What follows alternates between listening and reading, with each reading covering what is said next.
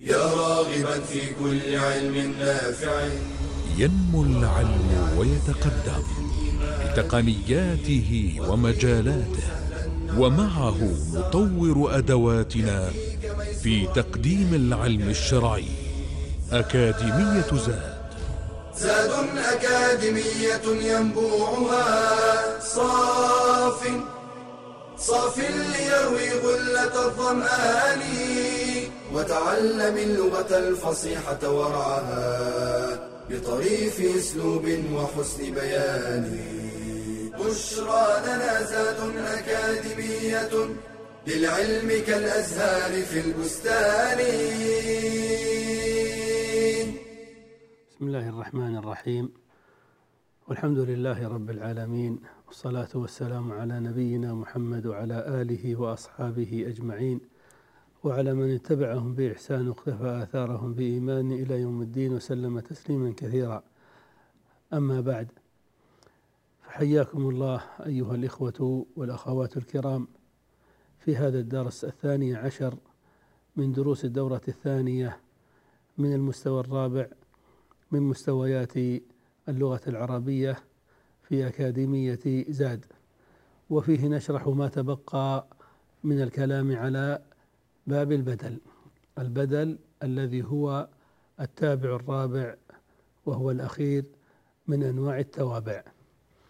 وقد تكلمنا في الدرس الماضي على تعريف البدل وأمثلته وتكلمنا أو بدأنا بالكلام على أنواع البدل وقلنا إن البدل على أربعة أنواع. والنوع الأول هو البدل المطابق ويسمى بدل كل من كل. وعرفنا أن البدل يكون مطابقا إذا كانت العلاقة بين البدل والمبدل منه علاقة كلية يعني أن البدل هو هو المبدل منه. وضربنا لذلك الأمثال. والآن ننتقل إلى النوع الثاني من أنواع البدل وهو بدل بعض من كل. بدل بعض من كل ويكون البدل كذلك إذا كان البدل جزءا من المبدل منه. إذا كان البدل جزءا من المبدل منه. من الأمثلة على ذلك أن تقول أعجبني محمد وجهه. أعجبني محمد الذي أعجبك يعني الفاعل محمد. ثم قلت وجهه. فالمعجب في الحقيقة الذي أعجبك هو الوجه. فالوجه في الحقيقة هو المقصود بالحكم. وإنما قدمت محمدا لغرض بلاغي. كأنك قلت أعجبني وجه محمد. إذا فوجهه بدل. لكن ما العلاقة بين محمد ووجهه؟ هل هي علاقة كلية؟ فالبدل بدل مطابق بدل كل من كل؟ لا. وإنما هي علاقة جزئية لأن الوجه جزء من محمد. إذا فبدل جزء من فبدل بعض من كل يكون إذا كانت العلاقة العلاقة بين البدل والمبدل منه علاقة جزئية. إذا كان البدل جزءا من المبدل منه. ومن ذلك قولنا أكلت التفاحة نصفها. فالنصف جزء من التفاحة. وكقولنا أكلت الخبزة ربعها. وكقولنا قرأت فتح الباري مقدمته فإن المقدمة جزء من كتاب فتح الباري. أو بنيت المسجد. الطابق الأول منه. هذا كله بدل بعض من كل. ومن ذلك قولك قرأت الكتاب نصفه أو أوله أو قرأت الكتاب فهارسه ونحو ذلك. ومن ذلك قولك مررت بالطلاب نجبائهم. بالطلاب جار ومجرور. نجبائهم بدل من الطلاب لأن النجباء جزء من الطلاب كأنك قلت مررت بنجباء الطلاب. إذا فالطلاب المذكورة في هذا المثال على نية الحذف فهو مبدل منه. ومن ذلك جاء الصيف أوله. طيب. ومن ذلك الآية الكريمة التي ذكرناها من قبل ولله على الناس حج البيت من استطاع إليه سبيلا. المعنى ولله على الناس المستطيع منهم حج البيت والمستطيع منهم ما علاقته بالناس جزء من الناس. إذن فقوله من اسم الموصول بمعنى الذي بدل بعض من الناس. بدل بعض من الناس. طيب. وهنا ننبه إلى ما يسمونه ببدل التفصيل. هناك بدل يسمونه بدل التفصيل. كما لو قلت مثلا جاء إخوتي محمد وخالد وبكر. جاء إخوتي فعل وفاعل محمد وخالد وبكر. هذا بدل لأن المراد جاء محمد وخالد وبكر وتسقط إخوتي فهو بدل. لكن هل هو بدل مطابق أم بدل بعض؟ آه نتأمل؟ الجواب واضح لمن تأمله. نعم. إذا كنت ذكرت جميع إخوتك فالبدل حينئذ من البدل المطابق. يعني لو كان إخوتك ثلاثة فقط وقلت جاء إخوتي محمد وخالد وبكر فالبدل هنا بدل مطابق. لأن محمد بدل وخالد وبكر معطوفان على محمد لهما الحكم نفسه. فالحكم سيكون على المعطوف والمعطوف عليه جميعا. أما إذا كان إخوتك أكثر من ثلاثة أربعة خمسة لكن ما ذكرت إلا الثلاثة منهم لأنهم الذين جاءوا فقط فحينئذ يكون البدل بدلا مطابقا أم بدل بعض؟ نعم يكون بدل يكون بدل بعض. نعم. فهذا ننتبه له لأنه يستعمل في الكلام كثيرا. وعلى ذلك لو قلنا مثلا جاء والداك أمك وأبوك. يعني جاء أمك وأبوك. فوالداك على نية الحذف. فأمك وأبوك بدل. لكنه بدل مطابق أم بدل بعض؟ نعم أمك وأبوك هما هما والداك. إذا فالبدل هنا في الحقيقة بدل مطابق بدل كل من كل. نعم. طيب والنوع الثالث من أنواع البدل هو بدل الاشتمال والنوع الثالث نشرحه بإذن الله بعد هذا الفاصل. فانتظرونا حفظكم الله. بشرى لنا زاد أكاديمية للعلم كالأزهار في البستان.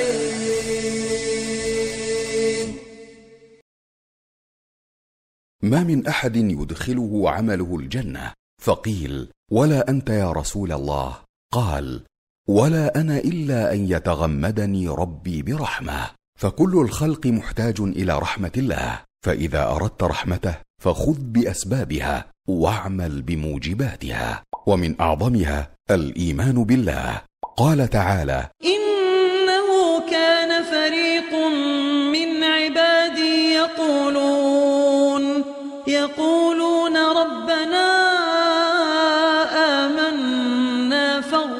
لنا وارحمنا وأنت خير الراحمين.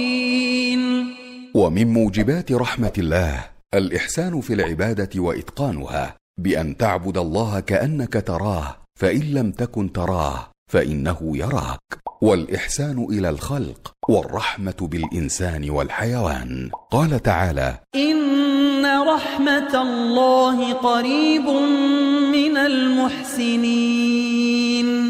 وقال صلى الله عليه وسلم الراحمون يرحمهم الرحمن ارحموا من في الأرض يرحمكم من في السماء.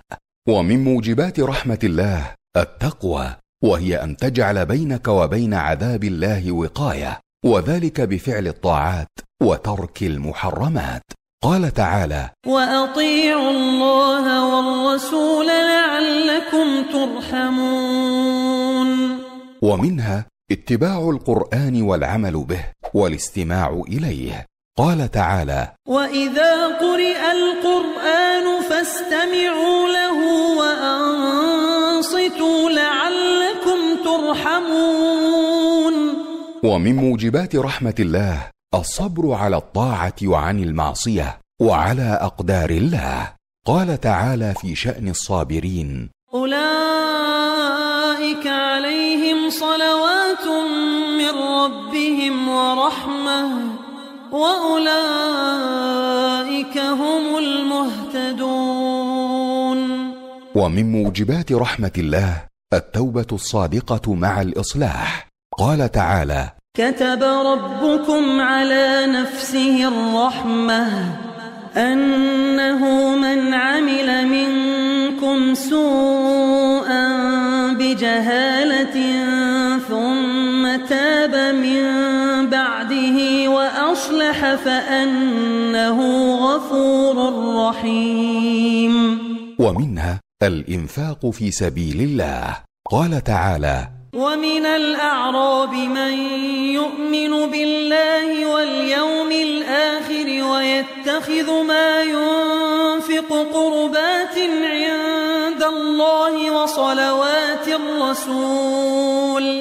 ألا سيدخلهم الله في رحمته.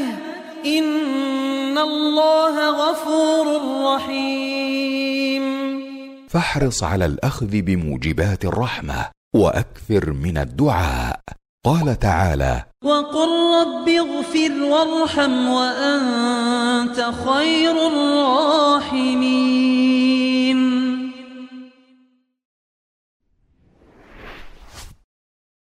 بشرى لنا زاد أكاديمية للعلم كالأزهار في البستان. بسم الله الرحمن الرحيم. قلنا إن البدل على أربعة أنواع. الأول البطل المطابق وشرحناه والثاني بدل بعض من كل وشرحناه. وأما النوع الثالث من البدل فهو بدل الاشتمال بدل الاشتمال وبدل الاشتمال يكون عندما لا تكون العلاقة بين البدل والمبدل منه كلية ولا جزئية. لا هو هو ولا جزءه. ويكون ذلك عندما تذكر معنى من المعاني القائمة بالمبدل منه.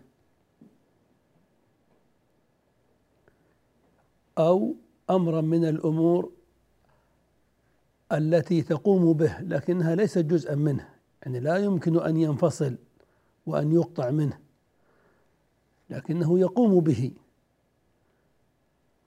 مثال ذلك أن تقول أعجبني محمد علمه. تأمل. في الفرق بين قولنا أعجبني محمد علمه وأعجبني محمد وجهه. ها العلاقة بين الوجه ومحمد أن الوجه جزء من محمد. هذا بدل بعض. لكن أعجبني محمد علمه ما العلاقة بين محمد وعلمه؟ هل العلم جزء من محمد؟ لا. لكن العلم يقع في محمد يعني أن محمد يشتمل عليه يشتمل عليه. ولكن العلم ليس جزءا من محمد يمكن أن يفصل عنه ويقطع عنه كما تفصل اليد أو الرجل أو الرأس أو نحو ذلك. لو قلت قرأت الكتاب مقدمته المقدمة جزء من الكتاب ويمكن أن تفصل عنه. هذا بدل بعض. لكن العلم ليس جزءا من محمد. طبعا وليس محمدا. فنقول إن البدل هنا بدل اشتمال لأن محمدا يشتمل على علمه. والمعنى أعجبني علم محمد ومحمد على نية الحذف. وكذلك أعجبني محمد فصاحته وأعجبني محمد حلمه وأعجبني محمد خطابته. هذه أشياء ليست اجزاء من محمد ليكون البدل بدل بعض ولكنها أشياء يشتمل عليها محمد وتقوم بمحمد. فنقول إن البدل حينئذ بدل اشتمال. طيب وإذا قلت أعجبتني هند شعرها البدل هنا بعض أم اشتمال؟ نعم. بدل بعض لأن الشعر جزء من من هند. لكن أعجبتني هند حجابها. الحجاب ليس جزءا من هند. إذا اشتمال. أعجبتني هند جمالها. أعجبتني هند حياؤها. أعجبتني هند خلقها. هذا كله بدل اشتمال.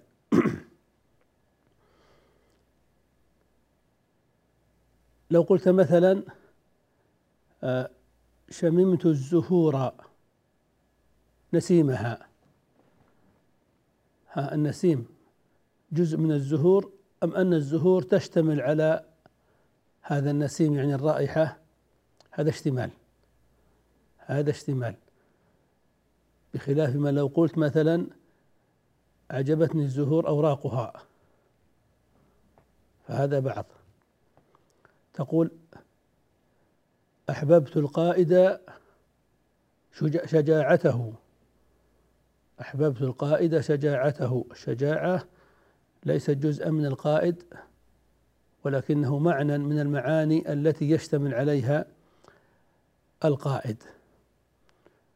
وتقول استاء الطلاب من زميلهم بذاءته يعني استاء الطلاب من بذاءة زميلهم والبذاءة معنى من المعاني التي تقوم بالزميل.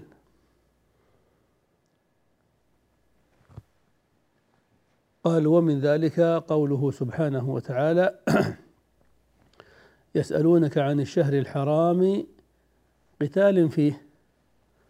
يسألونك عن الشهر الحرام قتال فيه. جاء قوم يسألون النبي عليه الصلاة والسلام عن القتال في الشهر الحرام فنزلت هذه الآية. يسألونك عن الشهر الحرام. طيب الذي ما يفهم اللغة العربية وأساليبها سيقول إن الآية ليست فصيحة. لأنها لم تأتي مطابقة للسؤال لأن سؤالهم لم يكن عن الشهر الحرام. فإن العرب كانت تعرف الأشهر الحرم من بقايا دين إبراهيم وهم أصلا ما سألوا عن الشهر الحرام وإنما سألوه عن القتال في الشهر الحرام. فكيف تأتي الآية بهذه الصيغة؟ يسألونك عن الشهر الحرام. نعم نقول لو أن الآية وقفت هنا لا قلنا إن كلامك في محله. ولكن الآية أكملت فقالت قتال فيه. ومن أساليب اللغة العربية أن يأتي المقصود بالكلام بعد المصرح به بعد المقدم. هذا أسلوب من أساليب العربية البليغة يقصد إليه المتكلم لغرض من الأغراض البلاغية. ومعنى الكلام معنى الآية والله أعلم يعني يسألونك عن قتال في الشهر الحرام. فالحكم وهو عن في الحقيقة والقصد واقع على القتال يسألونك عن قتال. ولكن الآية قدمت الشهر الحرام لغرض بلاغي. فصار قتال بدلا لأنه المقصود بالكلام. طيب من أي أنواع البدل؟ القتال.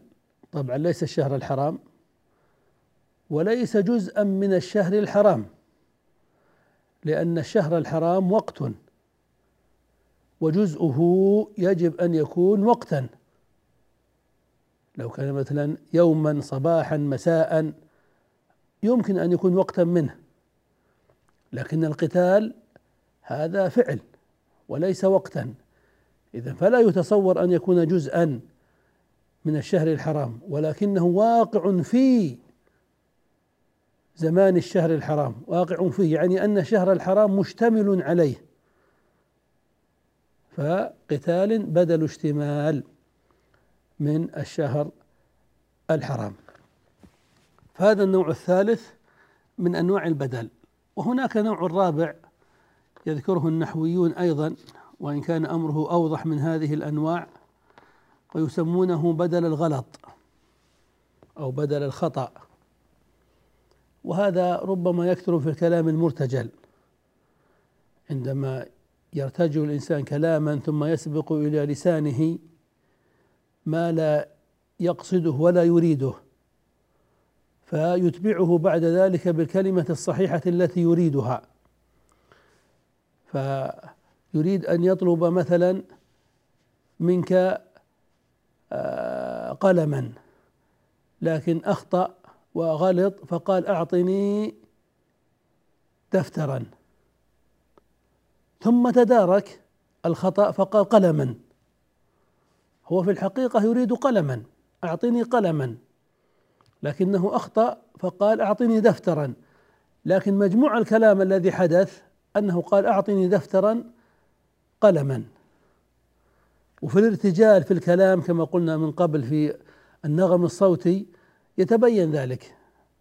تقول مثلا لصاحبك عندما تخطئ أعطني دفترا قلما. فيعرف أنك أخطأت. فالمقصود قلما. إذا انطبق عليه تعريف البدل لأنه المقصود بالكلام. لكن ما العلاقة بين قلما ودفترا؟ طبعا ليست علاقة كلية ولا علاقة جزئية ولا اشتمال وإنما غلط. فنقول قلما بدل غلط من دفترا. والأكثر في مثل هذا الأسلوب يعني غير اسلوب المرتجل لو أنك تكتب وتحرر كان ينبغي أن تستعمل حرفا من حروف الإضراب. كأن تقول أعطني دفترا بل قلما. يعني بل تضرب على الكلام السابق ثم تأتي بما تريده. فهذه أنواع البدل الأربعة. ودعونا بعد الفاصل القادم ننظر في بعض النماذج الإعرابية ونلخص ما سبق كلامه ونجيب على التمارين بإذن الله تعالى فانتظرونا إلى ما بعد الفاصل.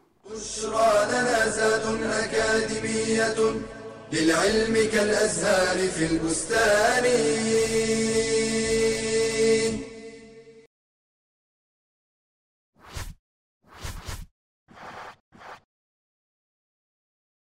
قال تعالى إن الشيطان لكم عدو فاتخذوه عدوا إنما يدعو حزبه ليكونوا من أصحاب السعير.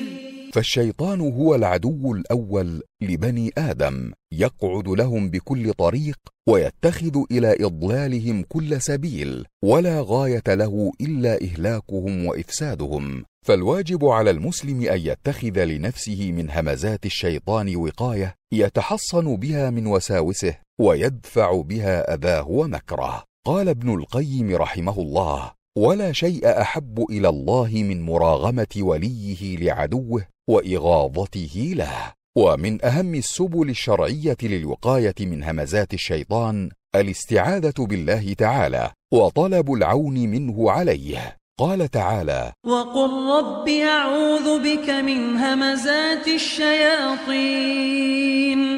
وأعوذ بك رب أن يحضرون.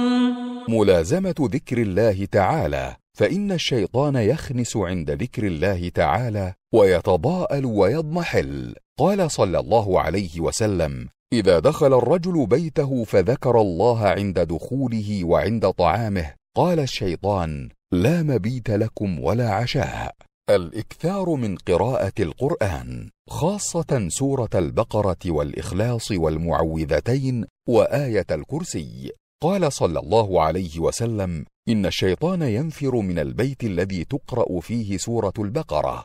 معرفة خطوات الشيطان ومداخله واجتنابها والابتعاد عنها. وكل فحشاء وكل منكر فهو من خطواته وأعماله. قال تعالى يا الذين آمنوا لا تتبعوا خطوات الشيطان ومن يتبع خطوات الشيطان فإنه يأمر بالفحشاء والمنكر. المبادرة إلى الندم والتوبة وإسراع الفيئة والرجوع إلى الله تعالى. قال تعالى إن الذين اتقوا إذا مسهم طائف من الشيطان تذكروا فإذا هم مبصرون وإخوانهم يمدونهم في الغي ثم لا يقصرون بشرى لنا زاد أكاديمية للعلم كالأزهار في البستان. السلام عليكم ورحمة الله وبركاته. هذه نماذج إعرابية لباب البدل. من النماذج التي سبقت؟ مثال يفدي المسلم دينه الإسلام بروحه. نتأمل فيه ونعربه كاملا. يفدي المسلم دينه الإسلام بروحه. طيب يفدي هذا فعل مضارع مرفوع وعلامة رفعه الضمة المقدرة. أما الذي منع من ظهورها التعذر أم الثقل؟ التعذر التعذر مع الياء والواو. آسف الثقل الثقل مع الواو والياء. أما التعذر وهي الاستحالة مع الألف. طيب المسلم هذا الفاعل وهو الذي يفتي. إذا المسلم فاعل مرفوع وعلامة رفعه الضمة. يفدي المسلم دينه. ما إعراب دينه؟ هذا مفعول به لأنه المفدى الذي يفديه المسلم. فدينه دين مفعول به منصوب وعلامة نصبه الفتحة وهو مضاف. والهاء طبعا سبق أن ذكرنا هذه القاعدة من قبل على ما أذكر التي تقول كل ضمير اتصل باسم فهو مضاف مضاف إليه. والهاء هنا ضمير اتصل باسم. إذا فالهاء مضاف إليه. فنقول دينا مفعول به منصوب وعلامة نصب الفتحة وهو مضاف. والهاء مضاف إليه في محل جر مبني على الضم دينه. الإسلام. الإسلام. ها نتأمل في الكلام. نجد أن دينه على نية الطرح والحذف. يفدي المسلم الإسلام. إذا فالإسلام بدل ودينه مبدل منه. تمام لكن ما نوع البدل؟ ما العلاقة بين الإسلام ودين المسلم؟ علاقة كلية هو هو. إذا فالإسلام بدل مطابق أو بدل كل من دينه منصوب وعلامة نصبه الفتحة. بروحه الباء حرف جر مبني على الكسر لا محل له من الإعراب. وروحي اسم مجرور بالباء وعلامة جره الكسرة. والهاء قلنا من قبل كل هاء كل ضمير اتصل باسم فهو مضاف مضاف إليه. إذا الروحي مضاف والهاء مضاف إليه في محل جر مبني على الضم. طيب من الأمثلة السابقة استفدت من كتب شيخ الإسلام ابن تيمية كتبه. استفدت من شيخ الإسلام ابن تيمية كتبه. نعرب استفدت استفاد فعل ماض وتاء المتكلم فاعل سبق هذا الإعراب كثيرا من حرف جر وإعرابه واضح وسبق كثيرا. شيخ الإسلام شيخي اسم مجرور بمن وعلامة جره الكسرة وهو مضاف والإسلام مضاف إليه مجرور وعلامة جره الكسرة من شيخ الإسلام. ابن تيمية ابن تيمية. ابني هذا بدل من شيخ الإسلام لأن شيخ الإسلام على نية الحذف أي استفدت من ابن تيمية فابن تيمية هذا بدل لكن من أي أنواع البدل؟ ها؟ نعم بدل مطابق لأن ابن تيمية هو هو شيخ الإسلام فشيخ الإسلام لقب من ألقابه. فنقول في الإعراب ابني بدل مطابق من شيخي. مجرور وعلامة جره الكسرة وهو مضاف وتيمية مضاف إليه مجرور وعلامة جره الفتح لأنه ممنوع من الصرف للعلمية والتأنيث. ثم قال كتبه قلنا إن ابن تيمية هذا بدل يعني أن شيخ الإسلام على نية الحذف كأنه قال استفدت من ابن تيمية ثم قال كتبه. فكتبه أيضا بدل من ابن تيمية لأن المعنى استفدت من ابن استفدت من كتب ابن تيمية. استفدت من كتب ابن تيمية. أيضا ابن تيمية على نية الحذف. لكن ما العلاقة بين كتب شيخ الإسلام وبين ابن تيمية؟ هل الكتب هي شيخ الإسلام؟ لا. هل الكتب جزء من شيخ الإسلام؟ لا.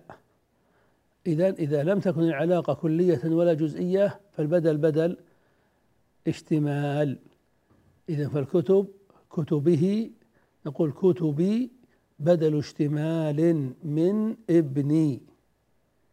مجرور. وعلامة جره الكسرة. وهو مضاف. والهاء كما سبق مضاف إليه في محل جر مبني على الكسر. فهذا ما يتعلق بالبدل. خلاصته أن البدل هو التابع المقصود بالحكم بلا واسطة وهو من التوابع وله أربعة أنواع.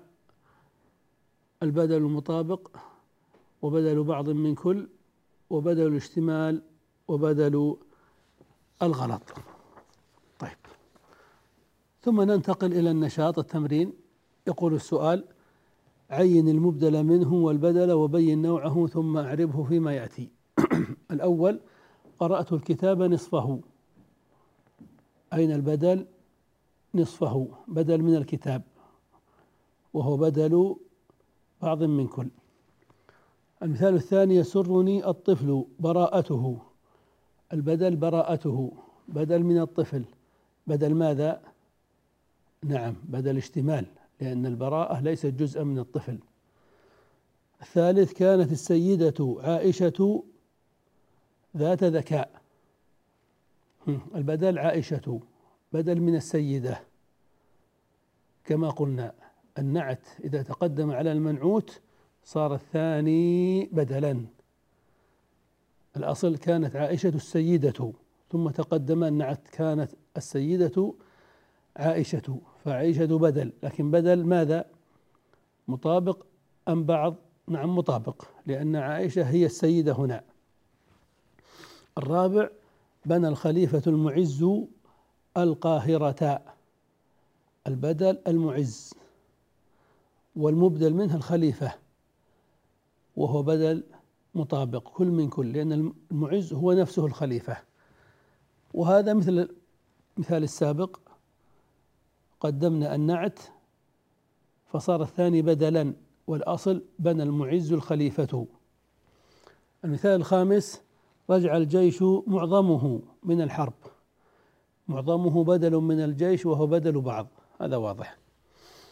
طيب عين البدل عين بدل البعض والاشتمال فيما يأتي. حفظت القصيدة أجمل أبياتها. أجمل أبياتها. هذا بدل من القصيدة. وهو بدل بعض أو اشتمال. بدل بعض. لأن أجمل الأبيات جزء من أبيات القصيدة فهي جزء منها. قال تعالى ولله على الناس حج البيت من استطاع إليه سبيلا. عرفنا أن من؟ بدل بعض من الناس. وفي قوله يسألونك عن الشهر الحرام قتال فيه. عرفنا أن قتال بدل اشتمال من الشهر. بهذا نكون بحمد الله تعالى قد انتهينا من التوابع الأربعة النعت والتوكيد والعطف والبدل. لننتقل بإذن الله تعالى في الدرس القادم إلى أسلوب جديد من أساليب اللغة العربية وموضوع جديد في هذا المستوى وهو باب النداء. إلى ذلكم الحين نستودعكم الله. السلام عليكم ورحمة الله وبركاته. يا راغبا في كل علم نافع. ينمو العلم ويتقدم بتقنياته ومجالاته. ومعه نطور أدواتنا في تقديم العلم الشرعي أكاديمية زاد.